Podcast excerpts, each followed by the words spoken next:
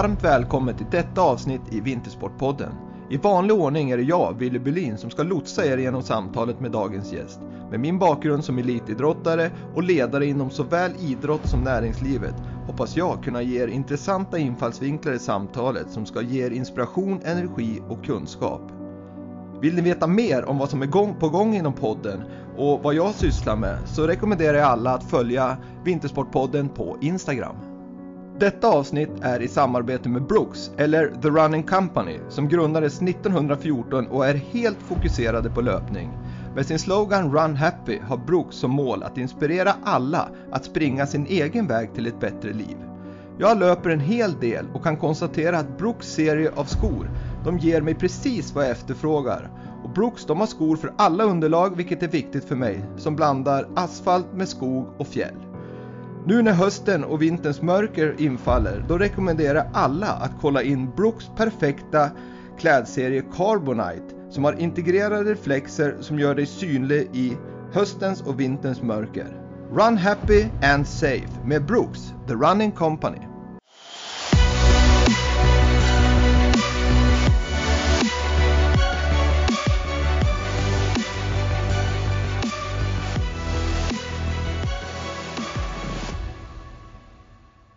Dagens gäst i Vintersportspodden Riksidrottsförbundets ordförande Björn Eriksson. Varmt välkommen till Vintersportpodden. Tack ska du ha.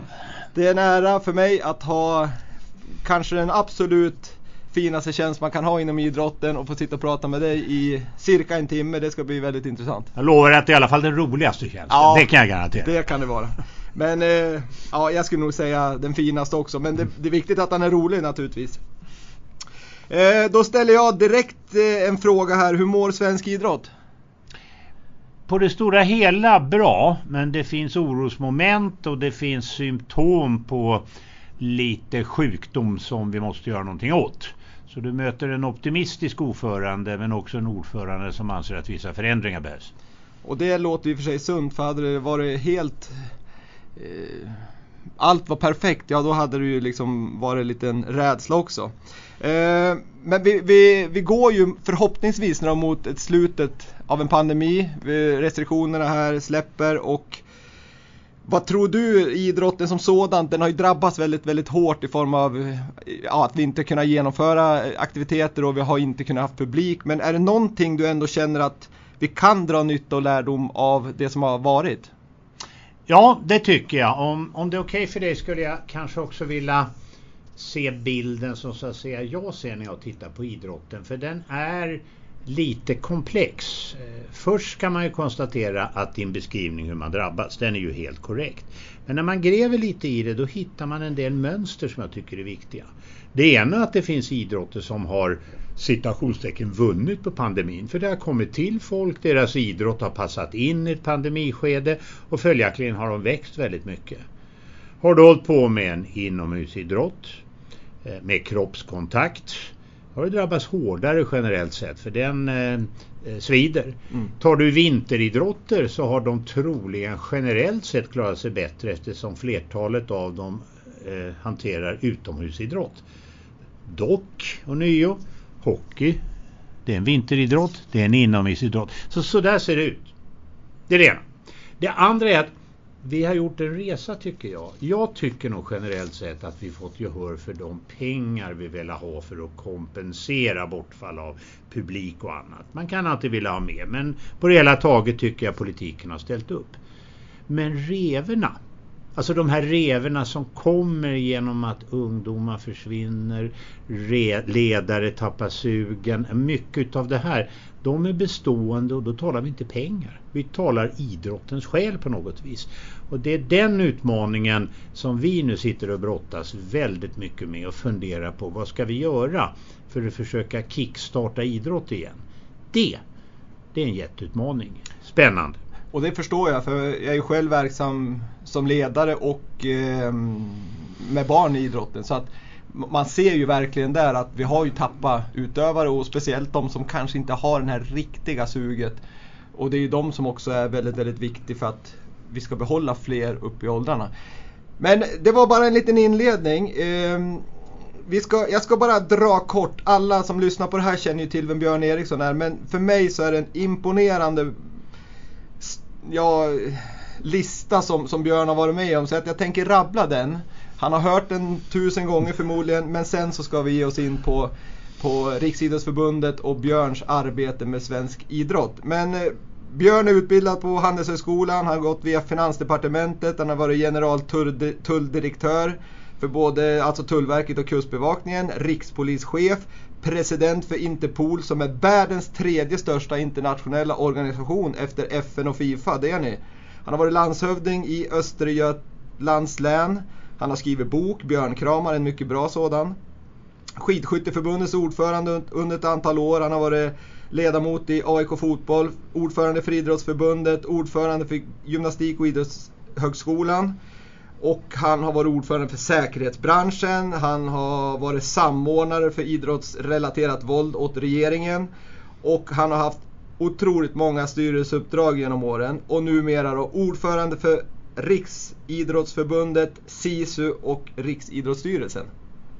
Och sen, sen har han ju fått Kungens medalj, Årets Linköpingsbo och Årets Trygghetsambassadör. Den du! Och då har jag säkert glömt 85%. Ja, det vill jag inte säga, men jag kanske värjer mig mot nomenklaturen att jag samordnar huliganverksamheten åt regeringen. Eh, som du nämnde, jag tror jag vill vara det där laget som bekämpar det, men det är nog det du menar. Ja, exakt, exakt. Ja, så är det. Så här, det. är bra att du, du rättar till det där, det är ju toppen det. Men eh, det där var liksom min bakgrund. Kan du berätta lite vem du är och vart du växte upp och ja, men hur, hur var din relation till idrott i, i din uppväxt? Jag är nog ganska typisk. Jag är Råsunda-grabb och det förklarar ju kopplingen till AIK. För det är klart att i Solnaland så är AIK stort. Eh, jag har en idrottskarriär som är som så väldigt många andra pulade lite med fotbollsspelande, målvakt i fotboll, handboll, eh, gillade att löpa, du vet de här vanliga grejerna. Men jag hade ingen förmåga att liksom bli en toppidrottsman utan jag hade idrotten som inspirationskälla och glädje i livet. Därifrån kommer mina kamrater, min känsla för doften och liniment i omklädningsrummet och så vidare och så vidare. Utan man får nog säga när jag återvände till idrotten som ledare då i första eh, som liksom kom allra först det var egentligen att bära portföljen åt Lennart Johansson för han hade så mycket att göra med Uefa. Eh, så lilla jag fick eh, gå bakom stora Lennart och, och, och prya som styrelsemedlem. Och det är klart, där börjar man lära sig väldigt mycket. Och sen kom skidskyttet, vilket är en historia i sig. Och sen kom friidrotten. Och på något vis blev det ju då vinteridrott, sommaridrott, internationell idrott. Eller förlåt mig, individuell idrott, eh, Eh, lagidrott och så vidare. Så man hade byggt upp eh, ett sådär genuint idrottsintresse. Sen är det nog slump som gjort hur man har eh, hamnat på olika positioner i idrotten. Men jag har stortrivs. Och jag har alltid tyckt att utan idrott då vore livet inte lika kul. Nej men det kan nog många skriva under på för att idrotten har ju en, en stor roll i samhället. Liksom, inte bara liksom att man ska röra på sig utan det har ju även, ja, det du har jobbat med tidigare förmodligen har ju haft en, en bra idrottsrörelse tror jag i alla fall gynnar samhället med mindre brottslighet på sikt och så vidare. Så att, så att eh, det förstår jag. Men, men, men jag kan ju ändå Tittar man liksom, nu ska jag generalisera ordentligt så kan man ju ändå se att de som når höga positioner många gånger har ju haft en framgångsrik idrottsbakgrund själv. Men hur, hur, varför valde du liksom att, du har ju inte jobbat riktigt operativt heller som landslagsledare eller sådär, utan du har ju gått och blivit liksom ja, men, ordförande för skidskytte, friidrotten och RF och och mycket mer sådär. Va... Tror, ja, man kan ju fundera, en är att jag tror inte jag har den kapaciteten, hade det, utan jag var som trots allt den stora majoriteten av breddidrottar. Det, älskade att idrotta men var inget eh, ämne för eh, eh, elitverksamhet, inte tillräckligt bra helt enkelt. Eh, sen är väl bilden lite så att du kan, man kan nyansera den. Skidskytte som började på ett mycket speciellt sätt eh, eh, innebar att jag kom in och var med under Magdalena Forsbergs sista år. Sen skulle det här byggas upp från grunden. Eh, vi fick inte vara i TV, vi hade inga sponsorkontrakt, vi hade inte råd att ha personal att prata om. Så vi jobbade, vi tvättade inte skjortorna, vi tvättade inte idrottskläder och sånt. Men i övrigt jobbade vi väldigt, väldigt mycket. Och då blev det ju sen den här utvecklingen när de andra aktiva framgångarna kom med massa annat. Att då jobbade man egentligen, jag ska inte säga som förbundskapten, men man jobbade väldigt praktiskt. Mm. Idag får jag ju hålla fingrarna i styr närmast för då är det ju en grej att vara klar över att sitter man som jag luftlandsatt i en sån stor struktur som RF då får man ju inte vara operativ. Då ställer man ju bara till en eländes elände utan det gäller egentligen att coacha andra och försöka få folk att bli eniga och, och sådär. Men det där att ha suttit en gång i tiden i en styrelse då problemet var får vi ihop pengar så vi kan skicka ut laget den är värd mycket, mm. tycker jag. Mm. Och jag förstår det och, och det du beskriver med skidskytte är ju, det de har ju en, en sån här solskenshistoria från det du beskriver till att idag skulle jag nog säga var kanske den populäraste vinteridrotten vi har i Sverige. Mm. De har ju gått om längden, det ser man ju på, på Vinterstudion som var så börjar man prioritera skidskyttet och, och det är ju en väldigt trevlig TV-sport. Så att där la du grunden till någonting väldigt, väldigt bra som de har förvaltat sen och utvecklat. Det är ju jättekul att se verkligen. Eh, men om, om, vi skulle titta då på, på rollen, eller RFs roll i, i, ehm, i Idrottssverige. Vad, vad har man för roll mot specialidrottsförbunden? Det är en svår fråga som man nästan kan få eh, Nobelpris tror jag man kan besvara sådär hundraprocentigt bra så alla fattar och alla är överens. Det är helt enkelt som så att om vi vänder på det hela och börjar underifrån och där slarvar många ledare tycker jag så är det föreningarna som driver svensk idrott. Mm. Det är inte så att SF äger sina föreningar eller att jag äger någonting. Vi är ju tillskapade av föreningar för att göra saker som de tyckte var praktiskt att delegera uppåt. Och en av de stora problemen ibland i svensk idrott är att vi tenderar att glömma kanske föreningens centrala roll. Sen är de väldigt komplicerade. Det kan vara många idrottsföreningar som har alla möjliga sporter på schemat eller det kan vara eh, en förening som bara har en sport och så vidare. Så det är, en, det är ett samspel där. Då skulle jag vilja säga att vad RF ska vara riktigt, riktigt bra på det är att försöka företräda idrottsrörelsen mot politiker, mot eh, vetenskapsmän, alla möjliga andra som vill tala med en samlad idrottsrörelse. Tänk dig in i att du är kommunalråd i, vad ska vi välja för ort åt det? Vi väljer Pite. Ja. Du är kommunalråd i Pite. Och du ska fundera över hur ska jag ordna till det med anläggningarna här i Pite? För jag vill ju att kidsen och andra ska kunna idrotta. Är du redo att slå dig ner och tala med 72 specialidrottsförbund och försöka lösa det där och komma fram med något genialt förslag som kommunalråd i Pite? Nej, det är du inte. Då, blir ju, då ser du liksom nästa del. Hur ska den samordnade idrottsrörelsen klara av sina interna, interna affärer? Mm. Jag brukar dra ett exempel när jag är ute och pratar. Som jag, det är visserligen en sommaridrott men jag tror att du hänger med här likväl. Absolut. Västerås, Arosvallen känner du till. Jajamän. Jag var friidrottsordförande. Jag vill ju naturligtvis förbättra Arosvallen, självklart. Mm. Och jag slogs och slogs och slogs för det där. Men fick torsk utav innebandykollegorna. För det var ett större behov bedömde man i Västerås av innebandy. Och de hade fått med sig kamraterna där borta. Och jag var ju naturligtvis jättesur. Tills, när jag blev lite klokare, jag såg poängen. Ja men nästa gång är ju jag först. Mm. Och då kom alla idrottskompisar och sa ja den där Björn Eriksson i friidrotten det är det viktigaste för där kan kidsen göra massa andra saker. Och upprustningen kom. Mm. Där har du kvintessensen i idrotten. Du kan inte alltid få det just du vill. Men du kan göra saker som är bra för idrotten. Och har du idrottskamraterna med det är det jättestarka. Ja, det blev en liten utläggning ja, men ja, det är men, bara för att fånga det praktiskt. Ja och det är ju, det är ju, jag förstår verkligen för när man Tänk idrott så här kanske många då ser om fotboll, hockey, skidor och så vidare som är stora. Men man ska ju veta att Riksidrotts, eller, ja, alltså Riksidrottsförbundet har ju otroligt många medlemmar och sporter som kanske man inte ens känner till. Och, och liksom göra alla glad där, den, den uppgiften är ju väldigt, väldigt svår. Och, och nu befinner vi oss i ett läge med pandemin där, där de ska dessutom få pengar. Och där kan jag också tänka mig att den fördelningen är ju inte heller kanske världens enklaste. Den är jättesvår eh, och den blir svårare och svårare. Jag inledde ju, ivrig som man är, med att börja prata pandemi här nästan innan du hade presenterat mig. Men eh, det beror på att det är något sånt som snurrar nu i huvudet eftersom vi just nu håller på att diskutera väldigt mycket av det här. Men det är en förändring nu som idrottsrörelsen på vissa håll kanske ändå inte riktigt uppfattat. Kompensation för uteblivna vinster eller ökade kostnader, det kan man räkna på. Jag vet inte hur duktig du är i ekonomi men du, du skulle säkerligen klara rollen som kamrer i en förening och sätta upp debit och kredit och se hur det ser ut. Absolut. Ja. Men nu när pandemin i den meningen förhoppningsvis klingar av då är det ju revorna vi ska laga. Mm. Hur ska du göra för att få längdskytte och få tillbaks väldigt många av de ungdomar man tappade? För de fick inte, kunde inte.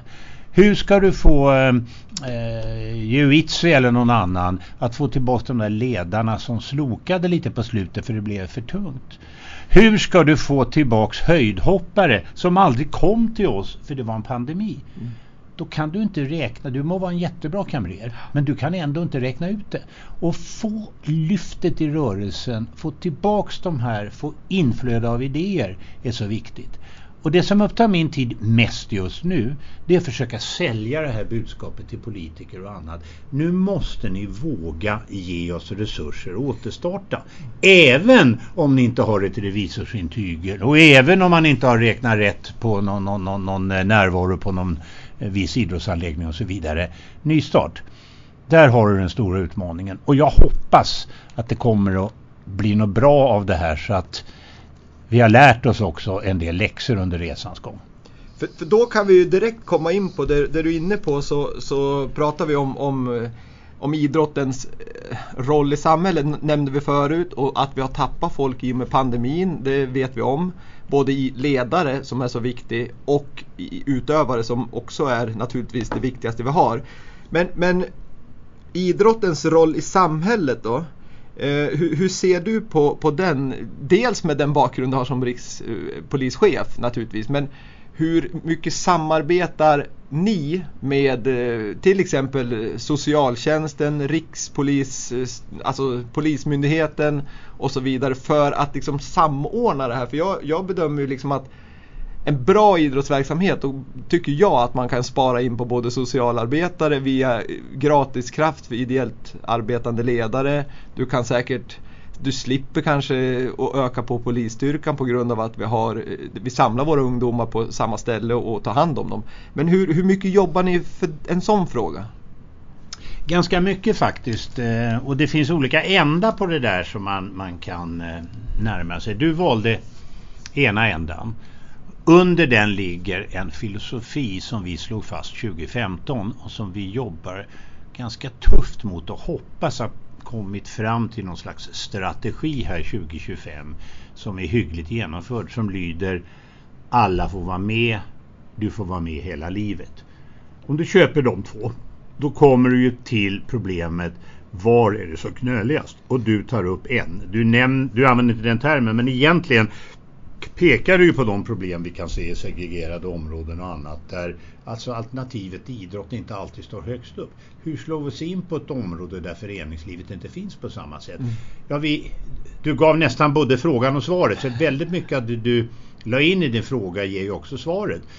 Hur ska idrotten kunna hjälpa till att skapa det här då det många gånger kanske är den enda auktoriteten som är kvar? Mm. Skolan kan ha jätteproblem. Eh, väldigt många myndigheter har försvunnit från arbetsförmedlingar och annat. Du har problem i, i strukturen med eh, inte sådana så kallade kärnfamiljer vi är vana vid. Då är det ju ofta idrottsledaren som har den typen av aktivitet. Mm. Men det är också en andra ända som jag vill lägga parallellt med det där och som också har helt andra utmaningar men det är samma grej egentligen. Och det är den svenska landsbygden. Mm. För om du kollar på de här elitidrottsmännen, om du tar ut fotbollslaget och så anger du deras första klubbadress. Då ska du se att det är väldigt få AIK, Västra Frölunda och sånt som står där. Det står helt andra mm, namn. Mm. Och i den där landsbygden, där är det ju samma problem. Folk försvinner, svårt att sköta anläggningarna. Hur ska du få folk ute på min gamla Östgötaslätt att kunna jobba i de små byarna? Så du har det i bägge ändar. Mm, mm. det är en jätteutmaning. Mm.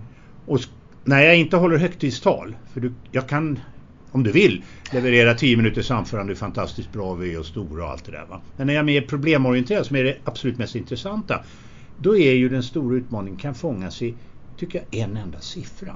Och det är när jag säger så här. Vi toppar laget och är som starkast när ungarna är 11 år, sen går det ut för. Ja. Är det bra? Nej.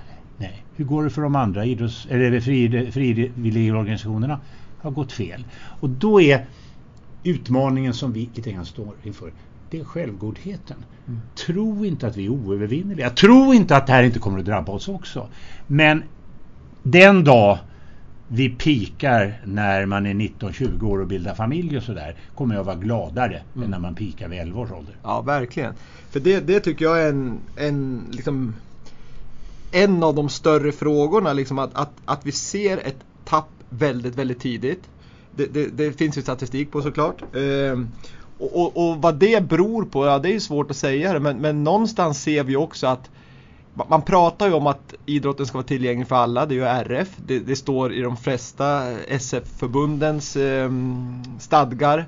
Och, och, klubbarna pratar om att det ska vara si och det ska vara så, att, att alla ska få vara med. Men verkligheten är ju någonting annat, tycker jag. Det är ju att det är ju för det första tidig specialisering och det har väl i och för sig ingen med liksom, idrott för alla. Men men ut, tidig utslagning har det. Och, och, det kan vi också se. Jag, jag pratat i podden med en professor som heter Christer Malm mm. i Umeå som är väldigt duktig tycker jag. Och han, han pratar just om det där och, och, och när man har tidig utslagning så, så, är det klart som 17 att man tappar många duktiga men, men även många idrottare i sig bara för att de tappar sugen redan som kanske 11-åring. Och, och, jag har inget svar på det, men, men hur, från Riksidrottsförbundets sida, hur ser man hur ser man på dels idrott för alla, tidig specialisering och tidig utslagning? Jag tänker på, kan ni styra det mot klubbar och, och föreningar för, och liksom strypa bidrag om de inte sköter sig? Eller kan man inte göra så? Du beskriver cirkelns kvadratur. Det, det, det är på ett till synes olösligt problem men det är det naturligtvis inte. Du kan väl säga så här att när vi benade i det här och det gjorde vi som mest egentligen 2017, eh, 2018 när vi liksom skulle ta nästa kliv. Då var det några saker som vi märkte. Du nämnde några av dem. En du inte nämnde, jag börjar med den för den, jag tror faktiskt den är, är mycket viktigare än vad många tänker på du måste kanske hitta en annan balans mellan träning och tävling.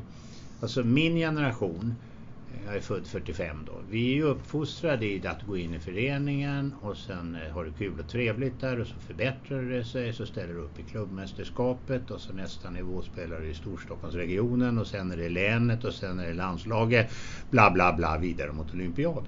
Och det, det sättet att idrotta är det oerhört många som uppskattar. Men det finns ju andra som egentligen kommer till idrotten inte för att de tror de ska ta medaljer utan för det kamratskapen, det är snacket, eh, det, det är massor med andra faktorer. Mm. Och då måste vi generellt sett hitta ett sätt att de också är kvar så vi inte ensidigt är inriktade på tävlan. Och samtidigt får vi ju liksom inte plocka ner tävlan som det är ointressant. Vi ska göra två saker på en mm. gång. Det tror jag är jätteutmaningen. Och där hittar du de här andra du tar upp med för tidig specialisering och allt det där. För med det grundsynen jag beskriver då är det ju självklart att du kan, vill du specialisera dig tidigt kan du inte hindra det men det är inte självklart. Och det är ganska intressant att tala med de här riktigt stora. Det tycker jag är oerhört roligt. Det må vara Zlatan eller Magdalena i skidskytte eller vad det finns. Alla de här nästan har haft flera idrotter och mm. specialiserar sig inte alls som man tror tidigt utan det var det att de gled in så småningom på någonting de gillade. Så att tidig specialisering är i princip av ondo inte minst om det dödar den unga telningens vilja mm. att idrotta. Mm. Nej, för jag har ju pratat med många i podden här som har varit jätteframgångsrika. Och, och, det är ju, jag kan säga att det är få av dem som, som har liksom gått all in som ja. sjuåring. Utan de, de har ju hållit på med två, tre, fyra olika idrotter ganska långt upp i åldrarna. Exakt, och det gör alltså att det inte... Där har du också en räddningsplanka. För det gör alltså att om du motverkar eller inte ställer upp och driver, hjälper till att driva fram tidig specialisering är det inte alls säkert att du får en sämre selektion. Det är precis vad forskarna säger. Mm. Och det där måste vi på något vis, vi måste ta oss igenom den, eh, den vallen. För ibland försöker man ställa, ska vi säga, att det skulle vara dåligt för eliten om vi inte selekterar så här.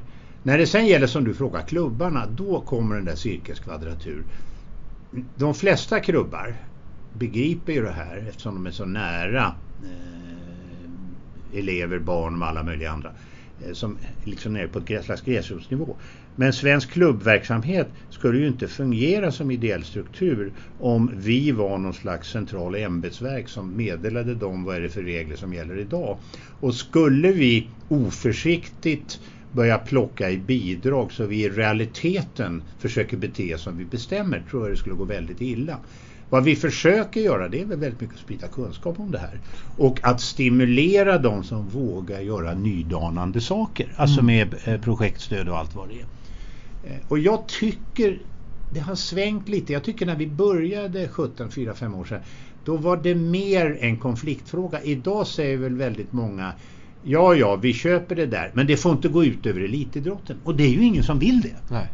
Så det bör vi kunna klara tycker jag. Ja, och jag tycker framförallt så det får inte bli det, det ena ska ju inte försämra det andra. Nej, utan exakt. att vi har en bredare bas borde ju generera en bredare topp kan jag mm. tycka. Och det kanske är en klyscha så men, men det är klart att får vi fler att hålla på längre så kommer ju säkert många blomma ut senare. För vi vill ju ha dem medaljer när de är 22 eller 25 eller 27 eller 30. Mm. Och, och, jag tror att vi tappar väldigt många för att de inte, de, de, de var senare utveckling helt enkelt. Men jag tycker du var inne på en väldigt viktig fråga Björn, när vi, när vi pratar om att ni kan inte liksom styra och ställa i, i föreningar för då dödar vi ju hela strukturen och det kanske är fel att börja strypa, strypa bidrag och så vidare. Men, men däremot så sa du kunskapsöverföring. Ja. Vilket jag tror är jätteviktigt för där ser vi ju att många gånger när det går fel i en förening så är det ju på grund av bristande ledarskap eller bristande kunskap. Och där har du, om du får anknyta till det där inledande när jag var så ivrig och kastade mig in här med pandemiprat och så vidare. Om vi nu får den där återstarten jag pratar om, vi får fysisk möjlighet och, och ekonomisk möjlighet att göra det. Då ser jag framför mig att vi kan erbjuda via digital teknik, utbildning och allt möjligt en möjlighet för tränare på olika nivåer inklusive vad ska vi kalla det för, sådana som, det är många sporter man börjar med ett första grönt kort och ja, sådär, ja. en, en, en, en, utveckling mm. som man tidigare inte kunnat. Och då är det ju mer att vi blir en slags livets universitet på olika mm. sätt och mm, vis mm. för att bibringa det här. För många av de här yngre tränarna, de ställer gärna upp men de kan själva ibland komma och säga jag kan inte riktigt. Hur ska vi hjälpa till? När vi höll på med skidskytte så är det klart, jag minns ju när vi gjorde de första kurserna. Det fanns ju kunskapslustkor det var ju dessutom säkert. Det var massor med saker som det var väldigt viktigt att de föräldrar som var på skjutvallen faktiskt kunde. Mm, Men det var svårt för en liten klubb att klara det själv. Mm. Och då ropar de på oss i specialrådsförbundet. Mm. Som i sin tur ropar på oss i RF. Mm, mm, mm, Ungefär så, jag tror de gå den vägen. Ja, absolut. Eh, för, för sen är det ju det som, och det här är ju, det är ju liksom inte bara idrotten utan det är samhället i stort det här skulle jag säga då. Det, det är ju liksom att ten, jag tenderar att tro det här. Jag, jag, har inte riktigt fakta men du har säkert fakta men då, du känner säkert samma sak. Men du beskrev det bra tycker jag när, när du berättade hur, hur du växte upp med, med, tävling och man började träna och sen var det KM och så kanske det var DM och så sen blev det någon region och så vidare. Och, och likadant var det förmodligen att i föreningarna på den tiden och även senare så, så, var det ju ett väldigt ideellt arbete. Många ställde upp, man sålde bullar och man sålde lotter och man sålde korvar och allting som man kunde sälja bara för att få föreningen att må bra ekonomiskt men även att man fick en sammanhållning. Idag tenderar ju det här till att gå att de flesta frågar innan man kommer och ska sälja något, kan vi köpa oss fri? För att man inte orkar sälja de här lotterna eller korven eller vad det nu är. Och det tror jag påverkar föreningslivet i stort sen. Vilket kanske då leder till att det blir inte den här härliga känslan, den här härliga vad ska jag säga, motorn för att få ihop alla. Och, och, och det ju, kan man ju se leder till att det blir mer och mer såna här kamper, du vet, privata camps på sommaren för hockey och det är privata camps för fotboll och skidåkning och, och så vidare. Men ser du någon du eller ni på, på RF och idrottsrörelsen måste ju ändå se en liten oro på det här. Liksom, för, för svensk idrott bygger ju på ideell verksamhet. Ja, jag tycker du fångar in en problemställning. Eh, till det kan du lägga en ungefär lika stor och lägga dem bredvid varandra. Och det är det att utbudet idag för en ung människa eller ett barn är så oerhört mycket större än om du går tillbaka 20-30 år sedan. För att då var ofta idrotten och möjligen scouterna, kanske någon tredje, det var de alternativ du hade. Idag vimlar av alternativ. Mm. Och det betyder att vi kan inte längre utgå från att han kommer till oss. Det roliga och intressanta är likväl kommer de oerhört stora mängder när man är 6-7 år. Så egentligen är det som så att det är någonting vi gör som gör att de slutar när de blir 11. Vad är det? Mm. Det kanske inte är inflödet till oss utan det är sättet vi förvaltar de där åren 7, 8, 9, 10, 11, 12 upp till prepuberteten så att säga. Och där ska vi kanske ta oss en rejäl funderare vad vi ska göra. Sen kan vi också titta på en del annan verksamhet bland föräldrar. Man kan ju exempelvis notera att väldigt många modernare företeelser lyckas bra.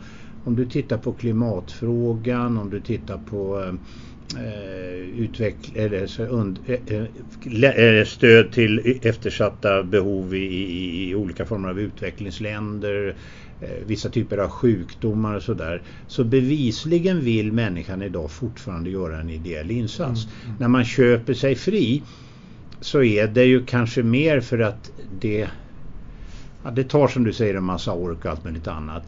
Men har vi då fått fram mervärdet som ligger i en föräldraroll att faktiskt ändå ta det här när andra faktiskt på vissa områden bitvis lyckas bättre än oss. Mm. Så jag är jag bedömer det inte som utsiktslöst. Det är bara det att budskapet kanske måste vara annorlunda.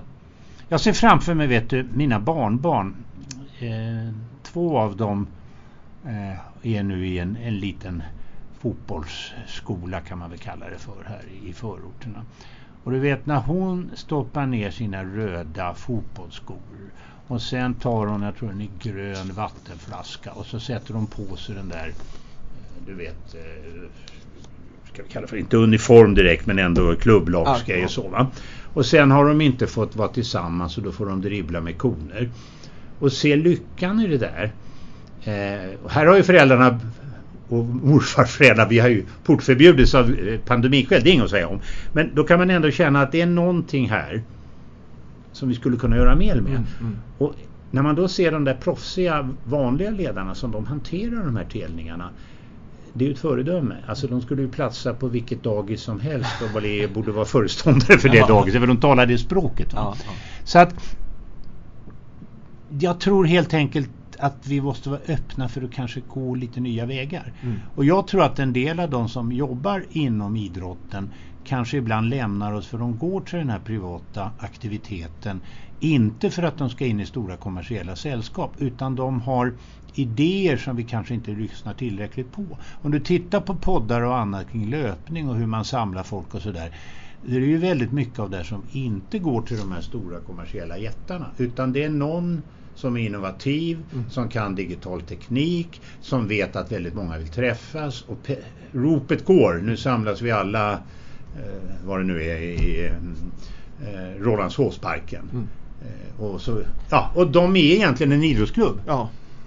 Nej, och, och, och det gläder mig att du säger att vi, vi, vi måste ju göra någon liksom att man måste våga tänka nytt och, och, se liksom, för det som har varit har ju varit och nu måste vi som hantera det, hur situationen är nu. Men, men det är intressant det du säger för att jag tror ju att vi tappar folk när vi är 11, det har vi sagt några gånger. Men där tror jag utbildning ligger väldigt, väldigt högt på, på listan för att vi ska behålla dem. För att få träningar rolig och meningsfull för både de som är lite långsammare i utvecklingen men även de som ligger långt fram då så att vi, att vi liksom gör det kul för allihopa. Men, men sen är det ju just när, när, vi går mot en minskad ideell verksamhet och, och man kan köpa sig fri som jag säger och, och, och det blir mer liksom camps och, det drivs åt det hållet lite grann tyvärr.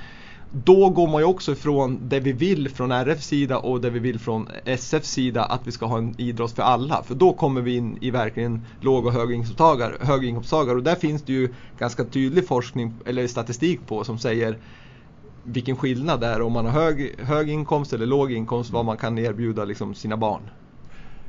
Så är det va, då kan man ju översätta det här till olika former av målgrupper och när jag försöker översätta det här till andra beslutsfattare, kallar det politik eller andra influenser av olika sorter, så är det tre saker som jag gärna återkommer till. En har inte med det vi talar om nu att göra, nämligen att det måste ju finnas någon anläggning eller miljö att kunna idrotta i. Och det är klart att tittar man på hur det där går till med sådana ytor och sådär så kan man ju ha väldigt många frågetecken på hur man glömmer bort behovet av att kunna röra sig i, anläggningar och Så. Det andra du och jag suttit och pratat väldigt mycket om här och det är ju liksom någon slags folkhälsoaspekt. Alltså det där att du idrottar har en sån oerhört mervärde i eh, många avseenden. Det kan gälla sjukdom, fetma, alla möjliga skäl varför det är en fantastisk nästan till gratis resurs som mm. finns inom idrott. Mm. Och då tycker jag faktiskt att systemet kanske borde tänka på det och skotta in lite grann så det fungerar. Sen kommer du till den tredje och flera av dina frågor har rört det. Jag tycker det är helt riktigt. Och det är egentligen värdegrunden för att i den goda idrotten då har vi vissa värderingar, samhällsvärderingar. Det kan röra jämställdhet, demokrati, eh, väldigt många sådana här värden. Och det är klart att är du inte, omfattas du inte av dem då vill vi inte ha dem som medlemmar. Det är bra att de motionerar i och för sig men de har inget med oss att göra. Och, och kan man leva med de tre praktiska utflödena då kan man komma ganska eh, ganska så långt. Och jag tror väl egentligen inte att eh, de här kommersiella aktörerna är ett problem annat än exakt den mening du säger. Det vill säga om man bara erbjuder idrott för de som kan betala. Mm. Då är det precis som du säger självklart. Mm. Och det är en av de bästa argumenten jag kunde använda under pandemin exempelvis. Att jag ser i pandemin att det första som ryker det är områden som har en svagare ekonomisk bas. Mm. Så, så, är det. Men om politiken inser det så är det inte miljardbelopp vi talar om för att kunna hjälpa till här. Det är ganska små medel, tror jag, mm. för att komma fram. Mm. Ja, och, och jag, jag, tror också det. Och, och, eh, på något vis så ser jag också som du sa här att, att det är ju ett liksom, liksom om man tittar på lång sikt med de här 11-åringarna eller barnen som sådant så, så, är det ju faktiskt, det visar sig ju att, att har man en god syn på rörelse och, och ett sunt levande som ung. Mm. Det speglar ju sig när man blir äldre i många fall om jag ska generalisera. Och, där, precis som du säger, det är därför vi ska få så många in i det här systemet som möjligt. Så vi får en härlig folkhälsa när vi blir äldre och på så vis kommer vi ju tjäna, om jag får säga så, tjäna pengar från, från Eh, statlig kassa. Och det, det, tycker jag, när du säger så här, ger anledning för mig för två reflektioner som jag ofta tänker på. Och den ena, och nu uttrycker jag mig positivt, har man en gång varit i idrotten som telning, kanske slutat när man blev 15-16 år, fick andra intressen och så träffar man en eh, man eller kvinna, man gifter sig, får egna barn. Då märker vi att de kommer ofta tillbaks till oss för de hade en lycklig period. Mm. Låt vara att de lämnar, men det var lyckligt. Mm. Och det där är en resurs att tänka på. Eh, att känns det så, har vi däremot stött ut mm. en sån här ung. Mm. Varför ska den komma tillbaka till oss när den får barn? Det är inte... Nej, det är som en arbetsplats. Ja, exakt. Har man bra avslut med chef och kollegor, ja men då, då är man ju välkommen tillbaks ofta och man vill tillbaks. Så. Och det är viktigt. Va? Sen har du ett område där jag tycker kanske att vi ibland får lite för mycket inbördesträter Eh, inom idrotten och det är det här jobbiga begreppet folkhälsa. De som inte riktigt tycker som mig säger så här, ja men det är en extra grej, det är bonus, vi idrottar så där blir bort, bättre folkhälsa. Så lite grann av typen, hit med stålarna, håll käften för vi ska idrotta som förr.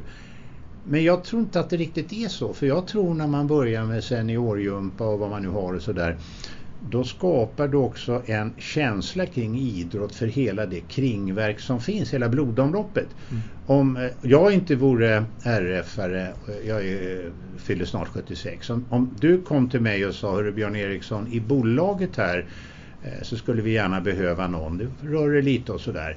Så skulle jag omedelbart köpa mig klokt och börja. Min mamma som dog 102 år gammal spelade boll ända tills hon var 94 Eh, och jag tror hon reducerade ganska mycket kostnader på ålderdomshemmet när hon med sitt inköpta bollklot ja. Eh, vann lite turneringar hit och dit. Och, och, det betyder alltså att vi kanske måste vara också öppna för den här folkhälsoaspekten och inte bara tala blir det några medaljer av det eller sånt va? Exakt. Och det, det, det, det, är dit jag tror vi måste komma och bara därför som jag sa tidigare också behöver man inte säga att vi inte ska ta medaljer. Absolut men, inte. Men man, man, kanske måste se det på ett annat sätt. Liksom att alla blir inte världsmästare som går på ett idrottsgymnasium men man, man, kan ju se det som att man kanske blir världsmästare i livet. Man lever bra, man är sund, man, man, man lär sig att ta ansvar och så vidare.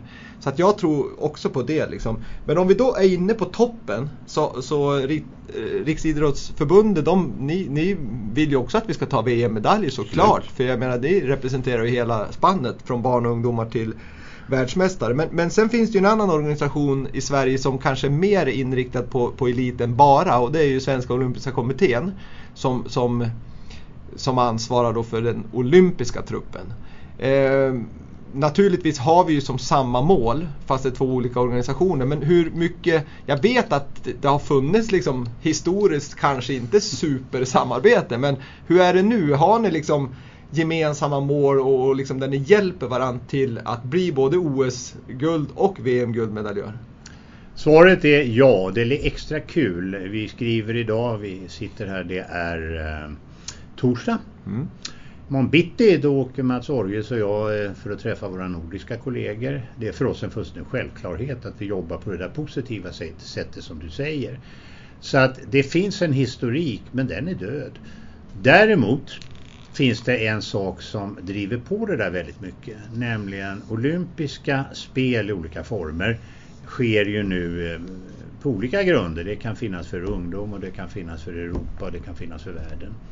Vi har ju ett oändligt antal världsmästerskap eh, och sådär så att eh, eh, ska vi säga de pengarna vi tittar på hur vi lägger in dem lägger ju RF in helt andra summor i elitidrott. Mm. Till det kommer att i bästa samförstånd när det kommer till riksidrottsgymnasier, riksidrottsuniversitet och sådär, själva blodkärlen även för en olympisk verksamhet så ligger den ju i den vanliga idrotten. Så det är ju bara korkat att ägna sig åt eh, vilken organisation hit och dit och upp och ner. Man kan tycka lite olika men Mats Orje som är ordförande i SOK och min och våra medarbetares inställning är vi håller inte på med de där organisationsfrågorna. Nu ser vi till att det är så bra förutsättningar som möjligt. Mm. Tids nog kommer de där organisationsfrågorna att lösa sig. Felet historiskt det var att man diskuterade hur ska organisationen se ut snarare än vad man skulle göra. Vill göra vi vill bägge två göra precis tvärtom. Vad ska vi göra? Det andra kommer alltid att lösa sig. Ja, det löser sig. Om, om man bara vet vad man ska göra så kommer det ordna sig. Självklart. Så, att, så är det absolut. Eh, Ja, men det är ju kul att höra liksom att, att, att, vi, att vi strävar mot samma mål för det är ju två starka för, organisationer. Får jag säga en sak till hörru? Eh, för det kan vara lite sån här konsumentupplysning. Det är faktiskt tre organisationer för du har även para. Ja just det, exakt. Vi tre har nu tagit varandra i näven på att plocka fram hur vi vill ha det 2030. Och i det ingår just det där du säger med medaljer. För vi ser att det kommer att gå ut för, för Sverige. Vi har successivt tappat konkurrenskraft. Det syns inte så mycket. Förr var det som så att i många sporter hade vi tre, fyra som var i topp. Nu har vi en. Det kommer om inget görs och bara gå sämre. Mm. Och då vill vi göra något gemensamt till 2030. Där i ingår att vi tillsammans föreslår både en del vetenskapliga saker ett annat sätt att försöka få fram finansiering och ett tredje sätt att se kan vi vässa varandra så att vi får fram det vi kallar Elit 2030 så vi kommer tillbaks till den position vi nu tror tyvärr att vi är på väg lite grann att förlora. Mm. Ja, och det tycker jag är superbra för att jag, jag, ser ju liksom på, jag vet ju att RF gör en väldigt massa forskning och, och har forskare som, som bidrar och, och, nu drog SOK igång något projekt också med, med forskare för, att utveckla liksom ja, men allt ifrån kanske material och, och eh, miljö och, och, och, även liksom träningsmetoder och så vidare. Så att det är ju solklart att det ska gå hand i hand och det är positivt att höra att ni samarbetar mot 2030. För det där är ju att, att det går ut för som du säger, det är ju tråkigt att höra men, men det kanske det, det säger sig självt rent logiskt om, om vi minskar barn och ungdom, basen, Mm. så, så är det klart att toppen minskar till slut. Så är det va och jag kan ju ibland ta på mig en annan hatt nämligen som ordförande för GH där vi har väldigt mycket av den här samlade idrottsforskningen. Mm. Och vi ser ju det här tydligt där. Men vi ser en annan sak som håller på att hända som vi tycker också är väldigt spännande. Nämligen att Sverige och de olika universitet och högskolor som faktiskt har kompetens på det här området börjar vilja sluta sig ihop och göra saker tillsammans. För det är klart att det finns fantastiska grejer som görs på Umeå universitet och Linné universitet. Självklart GH men även Chalmers och andra. Och den här modellen vi haft att vi liksom att sprida oceaner försöker vi göra någonting åt. Det andra som händer är att sista åren har det börjat finnas en tendens till ganska stora forskningsbidrag som kommer från många av de här större fonderna. Och då kanske det rör sig om belopp som är 10, 15, 20 gånger större än det SOK kan lägga upp. Men det kommer från Eftersom elitforskning ibland har en återspegling på hur även du och jag som vanliga människor påverkas när man lär sig en del saker. Mm, mm. Så jag tror att det är hyggliga odds att göra väldigt mycket spännande saker 2021 till 2030. Och vi har en liten, ja, en möjlighet tror jag att vända det här. Ja, och, och det är ju fantastiskt kul att höra. Det, det kan jag ju bara stryka under på. Eh, vi ska hinna med några ämnen till innan vi ska sluta här. Men, men en, en fråga som vi kan avhandla, det, det skulle vi kunna ha en enda podd för. Men det är jämställdheten så har ju RF och eh, specialidrottsförbunden, föreningar eh, ja, och samhället i stort jobbar ganska hårt med. Och, och nu slog ni fast här tror jag, om det var första juni 2021 att det ska vara 40% i en styrelse i specialidrottsförbunden ska vara av det svagare könet, det vill säga minoriteten. Mm. Om det är män eller kvinnor är väl sak samma, men 40% ska det vara då. Och hur, hur har det slagit igenom i, i idrottssverige? Jag tycker det har bemötts bra. Vi tog det beslutet eh, för några år sedan för det är ju en viss framförhållning Ja, för att komma rätt. Och det, I och för sig kan det finnas en och annan som är snedda lite efter men på det stora hela eh, så, så kommer det där eh, att fungera. Och det är ju egentligen inte så märkligt va? för det, verkar, det vore väl väldigt underligt om ena halvan av befolkningen skulle befolka idrott och tala för bägge halvorna. Det skulle vara ganska konstigt. Och jag vet inget fall, jag vet fall då man haft problem att få fram bra kandidater men det har lika ofta handlat om kvinnodominerade idrott som inte hittar karlar och tvärtom. Mm.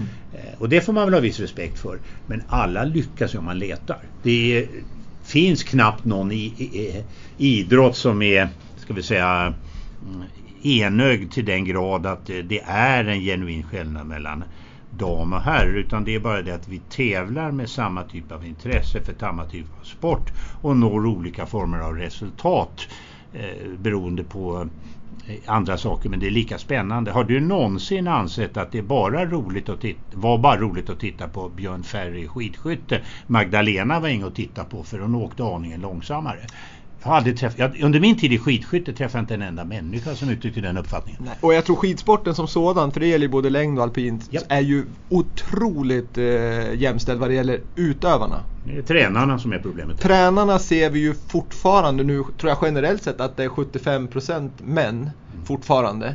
Eh, värre i vissa fall och bättre i vissa fall, of course. Men, men, eh, men, men nu har ni ju kommit en bra bit på vägen vad det gäller styrelser. Hur, hur, eh, hur, vi måste kunna på något vis kunna anpassa, jag menar ska du jobba som alpintränare eller skidskyttetränare eller något, det är ett ganska tufft liv att man ligger ute väldigt mycket. Eh, får man barn och är hemma och ammar och, och sådär så är det ju kanske svårt att ha den, den arbetsmiljön om man säger så. Och, och här kanske man måste bli bättre att anpassa sig liksom till, till verkligheten. Det där du säger gäller all form av idrott. Det är som du säger. Eh, samtidigt är det ju på det sättet att det handlar ju väldigt mycket om vilka tränarutbildningar och annat vi erbjuder. Eh, och ehm, det är inte olösligt. Jag brukar, nu tar jag ett helt annat exempel men bara för att göra att det här är universellt och det många gånger, det, det finns nästan alltid sätt att lösa det. Om du i glesbygd tappar så mycket spelare när du spelar fotboll att du har problem att eh, få ett elvamannalag Varför kan du inte spela med sjumannalag? Ja. Samma sak med det här med skidskytte och så. Eh, om eh, det är på det sättet att du åker lite långsammare, vad har det för betydelse? Det svåraste situation och debatt som pågår för närvarande, det är väl de fall då begreppen man kvinna är kringgärdad av problematik. Det må vara transpersoner och massa andra saker som gör sikten aningen suddigare. Men kvar står ju ändå grejen. Mm. Att man tävlar mot någon som har ungefär samma förutsättningar som en själv. Mm. Man eller kvinna eller vad man nu har för gränser. Så eh, jag tror vi är på väg mot något spännande.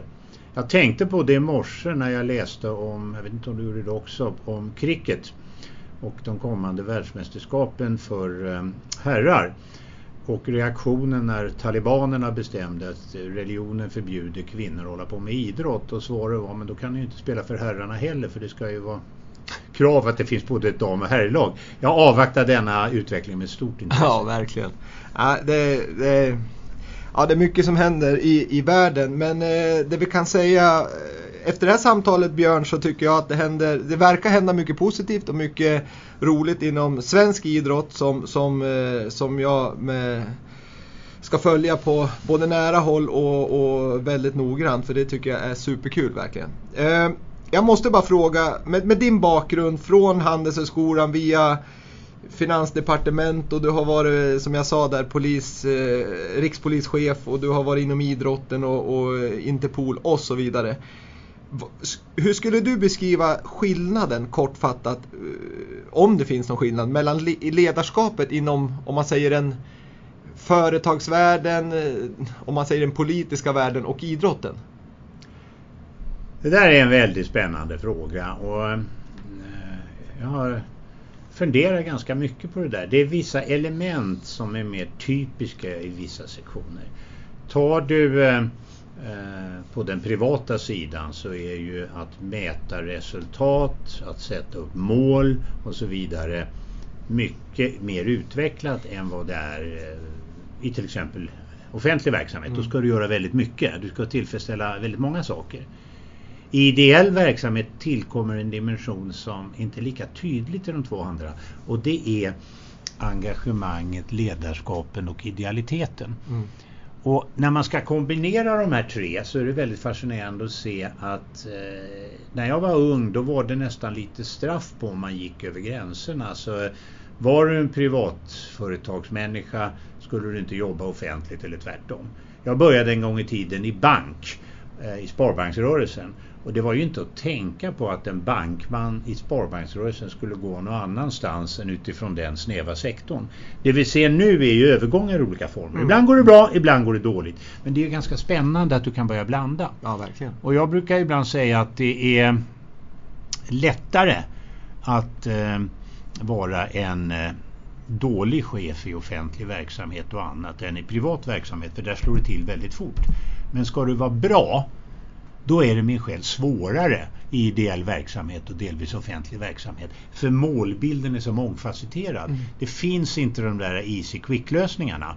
Så att eh, jag brukar ibland vara ute och prata på sådana här ledarskapsseminarier och sådana här för kvinnliga chefer och sådär. För jag tycker det är så spännande att se att de här gamla grejerna börjar luckras upp. Det är inte givet att en framgångsrik storföretagare gör sig bra i en idrottsklubb. Men det är långt ifrån uteslutet. Det är människan det handlar om och hur den människan de facto ser ut.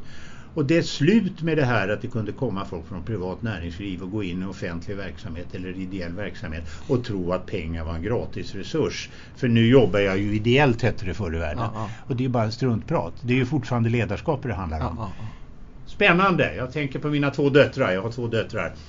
Jag tror deras framtid här på ett sätt är nästan mer spännande än när jag var i deras motsvarande ålder. Ja, ja alltså jag, jag håller med för, för historiskt sett så kan man ju se, var du VD på ett storföretag, ja men helt plötsligt så satt du i styrelsen för Djurgården Fotboll eller vad det nu än var. Men vad är det som säger att de är bra där? Så att det gläder mig att höra där Björn att, att, att det är ju prestationen och, och egenskaperna som måste avgöra, inte titeln. Härligt att höra. Då har vi två lyssnarfrågor innan vi ska avsluta det här och skicka iväg dig på ett nytt möte med, med och planera lite... Nu är det Idrottsgalan vi ska planera givet de nya bestämmelserna. Nog så viktigt! Jag hoppas det blir härlig i januari 2022. Ja, det hoppas vi. Men vi har två lyssnarfrågor och de, de är, du kan svara på dem ganska kort tror jag. Vad är du minst nöjd med i din roll som ordförande i eh, Riksidrottsförbundet? Alltså beslut. Har du tagit något beslut som du känner fan det där blev inte bra. Jag är minst nöjd, inte med ett...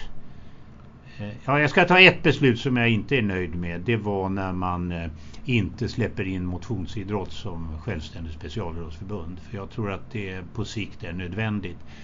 Eh, sen det andra som ibland kan störa mig det är att vi får inte hamna i det där att vi bara tittar på ett egenintresse. Vad är bra för min specialidrottsförbund eller och sådär.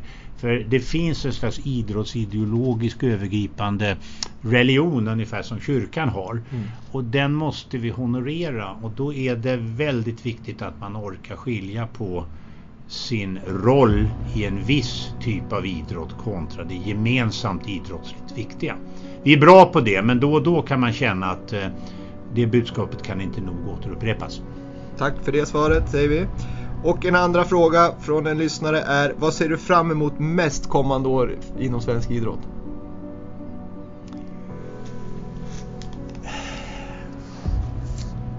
Ja du, egentligen ser jag mest fram emot att den här strategin som du och jag pratat om i stora stycken också på alla håll och kanter omsätts i praktisk politik.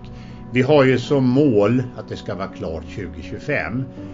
Jag är ordförande 21 till 23.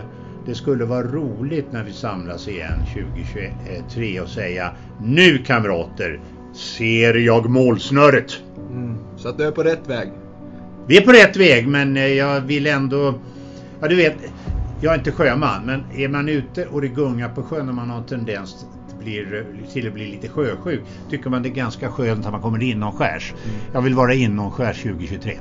Du tar inte en ny period som ordförande? Funderar inte i de banorna. Nu är det fullt upp att fullgöra den period jag är inne i. Perfekt, då har vi en sista fråga som jag ställer till allihopa oavsett om man är aktiv, före detta aktiv ledare eller ordförande i Riksidrottsförbundet. Och den lyder så här. Säg en framgångsfaktor för att lyckas med idrott. Ja, skulle du fråga mig så tror jag det mest avgörande är viljan. Härligt att höra.